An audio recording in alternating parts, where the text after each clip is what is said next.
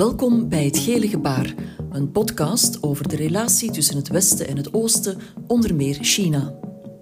Het Gele Gebaar is een initiatief van kunstenaar Lode Laperre, die samen met enkele experts op zoek gaat naar toedracht en verklaringen. In deze aflevering staat de filosofie centraal. Intuïtief zou je kunnen zeggen dat Oost en West elkaar hier wel gevonden hebben. Als je bijvoorbeeld kijkt naar het succes van de mindfulness-cursussen bij ons, of naar de populariserende tijdschriften rond Confucianisme en Taoïsme in de krantenwinkel om de hoek. De interesse is er alvast. Al durft professor emeritus en wiskundig filosoof Jean-Paul van Bendegem die zogenaamde inzichten en gelijkenissen wel te betwijfelen. Als je terugkijkt in de tijd, en dan wil, wil, ik het meteen opentrekken ook naar de wetenschappen en de wiskunde toe. Het vraagt echt wel een radicaal andere manier van kijken, denken, ervaren het verwoorden ervan, verbeelden ervan, waar, wij, waar het voor ons vaak een complete uitdaging is om te kunnen achterhalen uh, wat zou men kunnen bedoeld hebben. Want ja, het is niet een taal die een beetje verschilt van uh, onze westerse talen, ze verschilt er grondig van. Ja, natuurlijk, we maken ons bijvoorbeeld heel erg vrolijk altijd, hè, als we zeggen uh, Taoïsme, wat is het geluid van één hand die klapt? Dan denk je van, haha, dat is, dat, is, dat is wel leuk. En dan kun je even, om het gruwelijke werkwoord te gebruiken, dan kun je wel even over filosoferen. Dat, maar als je zegt, nee, nee, nee, maar neem dat niet eens voor het volle pond. waarom zeg je eigenlijk, maar dat is absurd, het geluid van één hand die klapt, daar moet je toch twee handen voor hebben. Waarom eigenlijk? Is dat omdat we al een idee hebben van wat klappen zou moeten zijn? of, wel kijk, men zegt altijd uh, Confucianisme, Taoïsme, je, hebt ze aangehaald. Er zijn ook nog de logici. Die zijn er ook. En dat is tenminste fantastisch, zeg. Kan een wit paard een paard zijn? Ja, wij gaan natuurlijk zeggen, ja, uiteraard, als het een wit paard is, dan is het wit en dan is het een paard, dus is het zeker een paard. Kijk, dat is uitgesproken westers. Als je zegt, een wit paard is een concept. En een paard is ook een concept dan moet je nu nog aantonen dat dat ene concept in dat andere bevat zou zijn. Maar iemand die spreekt over een paard, spreekt hij noodzakelijk over een wit paard? Dat weet je toch niet? Dus is een wit paard een paard? Eigenlijk niet. Kijk, dat is een manier van denken, daar moet je in het Westen hard zoeken om daarvan voorbeelden te vinden. Ik bedoel, uh, Aristoteles zal afkomen en zeggen, oké, sorry, hè, je hebt eigenschappen, je kunt wit zijn, je kunt paard zijn, je kunt dat tezamen zijn, en als je dat tezamen bent, ben je ook nog altijd apart. Hè. Dus een wit paard is wit en is een paard. Oké, klaar. Dat, uh, dan denk je, oh wauw, wat een uitdaging voor ons nu om daar te kunnen mee omgaan. En dus in die zin, maar, maar dan zitten we terug in de tijd. Als ik naar vandaag kijk, en dat geldt bijvoorbeeld ook voor mijn lievelingsgebied, uh, waar ik als filosoof mij immens mee amuseer, de wiskunde. Als je kijkt naar die wiskunde tot en met de 16e eeuw. Eeuwen vooruit op het Westen. Dat is echt waar. bedoelde dingen van, uh, hoe is het mogelijk? Mm, meetkunde, algebra, het staat er eigenlijk allemaal al. Maar twee dingen. Uh, op een manier geformuleerd die niet de onze geworden is. Denk heel erg mooi hoor. Ik bedoel, uh, als ik een voorbeeld mag geven. Uh, met de, ontwikkeling van de Griekse filosofie, dus neem maar eh, vanaf Plato, Aristoteles en zo verder. Met de ontwikkeling van de Griekse filosofie krijgt u de Griekse wiskunde mee. En die gaat de nadruk leggen op het wiskundig bewijs. Je bewijst iets. Eigenlijk een bijzondere vorm van argumenteren, waarbij de argumentatie sluitend moet zijn. Ik bedoel, zoals ik het altijd graag zeg, als je bewijst dat de hoeken van een driehoek in het platte vlak 180 graden is, en je geeft dat bewijs, en iemand zegt, nou, ik weet het toch niet hoor. Ik zal toch heel de richting 190 denken, dan zegt je, sorry, nee, uh, zo werkt dit spel niet.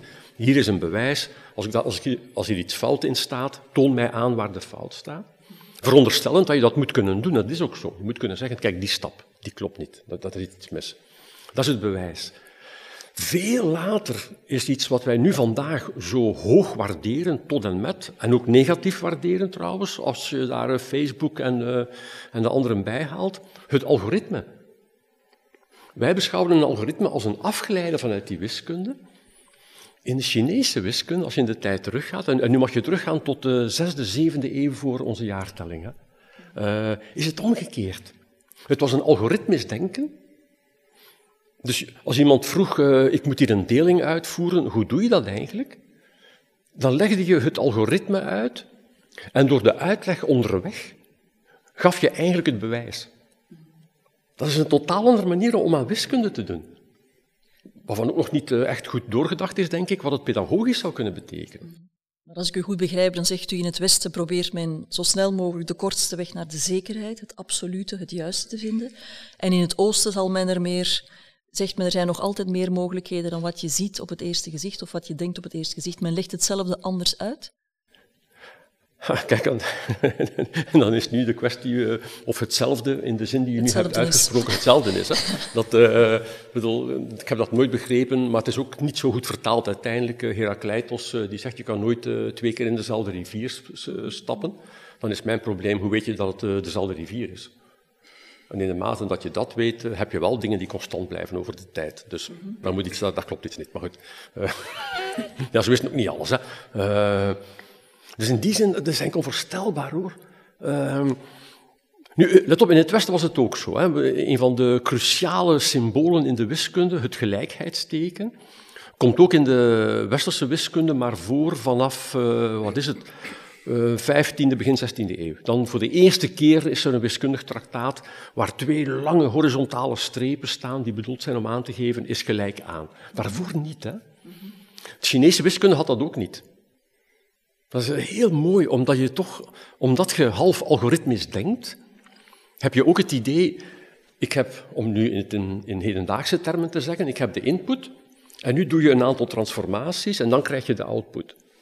Dus heel eenvoudig uitgedrukt, 2 plus 2 is niet gelijk aan 4. 2 plus 2 wordt 4. Door de optelling uit te voeren krijg je 4. En filosofisch zie je dan meteen de implicaties. Uh, want dan zeg je, oké, dus daarom ga je 2 plus 2 niet op dezelfde manier behandelen als 4. Terwijl wij doen dat wel. Bedoel, dat is een waanzinnig probleem in het westerse denken. Enfin, nee, pardon, sorry. In het denken van bepaalde filosofen in het Westen. Dat is beter. De meesten onder ons liggen daar niet wakker van, maar best ook. Uh, laat maar die paar mensen zich daarmee bezighouden. Als je, vraagt voor, als je in het Westen vraagt aan een filosoof, uh, hoeveel namen hebben wij voor het getal 4? Dan is het antwoord oneindig veel. Want ja, 4 is 2 plus 2, maar het is ook 5 min 1. Het is ook, uh, 2 maal 2. Het is 8 gedeeld door 2. En we hebben dus oneindig veel namen. Ja, als je dan vraagt, en die verwijzen allemaal naar hetzelfde, hoe kan dat nu? Oneindig veel namen die naar hetzelfde verwijzen. Als je daarentegen denkt op een algoritmische wijze, 2 plus 2 wordt 4, dan heb je niet de nood om te zeggen, en is die 2 plus 2 nu gelijk aan die 4? Van nee, voer deze stappen uit en dat geeft dan 4. Alsof je zegt, ik heb hier een hoop bakstenen, ik maak er een huis mee, en dan vragen, en zat, en zat dat huis al in die bakstenen? Ja, nee, natuurlijk niet. Eh, door de wijze waarop dat je hebt gestapeld, is het een, is het een huis geworden. Dus je krijgt automatisch een veel creatievere, in de zin van een, uh, ik zou bijna durven zeggen, een uh, organische filosofie. Nu, u heeft het over de geschiedenis van de wetenschapsfilosofie of de wiskundige filosofie. Uw pendant vandaag aan de universiteit in Beijing, die uh, wetenschapsfilosofie geeft, geeft hij hetzelfde vak als u. Ja. Is het in de loop der jaren dan toch naar elkaar toegegaan? Ja, ja, ja, ja, ja. ja. Oh, het gaat niet alleen maar over de Chinese wiskunde. Je mag wereldwijd rondkijken. Uh, als ik de antropoloog Rick Pinkston mag als bron nemen, gegeven dat er ongeveer een 4000 culturen zijn op deze aardbol. Uh, de wiskunde die men heeft ontwikkeld bijvoorbeeld, laat ons zeggen die in het Westen, is ook vrij specifiek. Alleen ze heeft die eigenschap gehad van zich te laten exporteren. Uh, dat is een niet zo duidelijke zaak hoe dat is kunnen gebeuren, waarom dat zo dominant gebleken is en waarom het andere vormen heeft uh, weggeduwd. Filosofen die minder uitgaan van concurrentie of competitie dan het misschien geopolitiek of economisch kan. Uh, waarderen die elkaar over de hele wereld?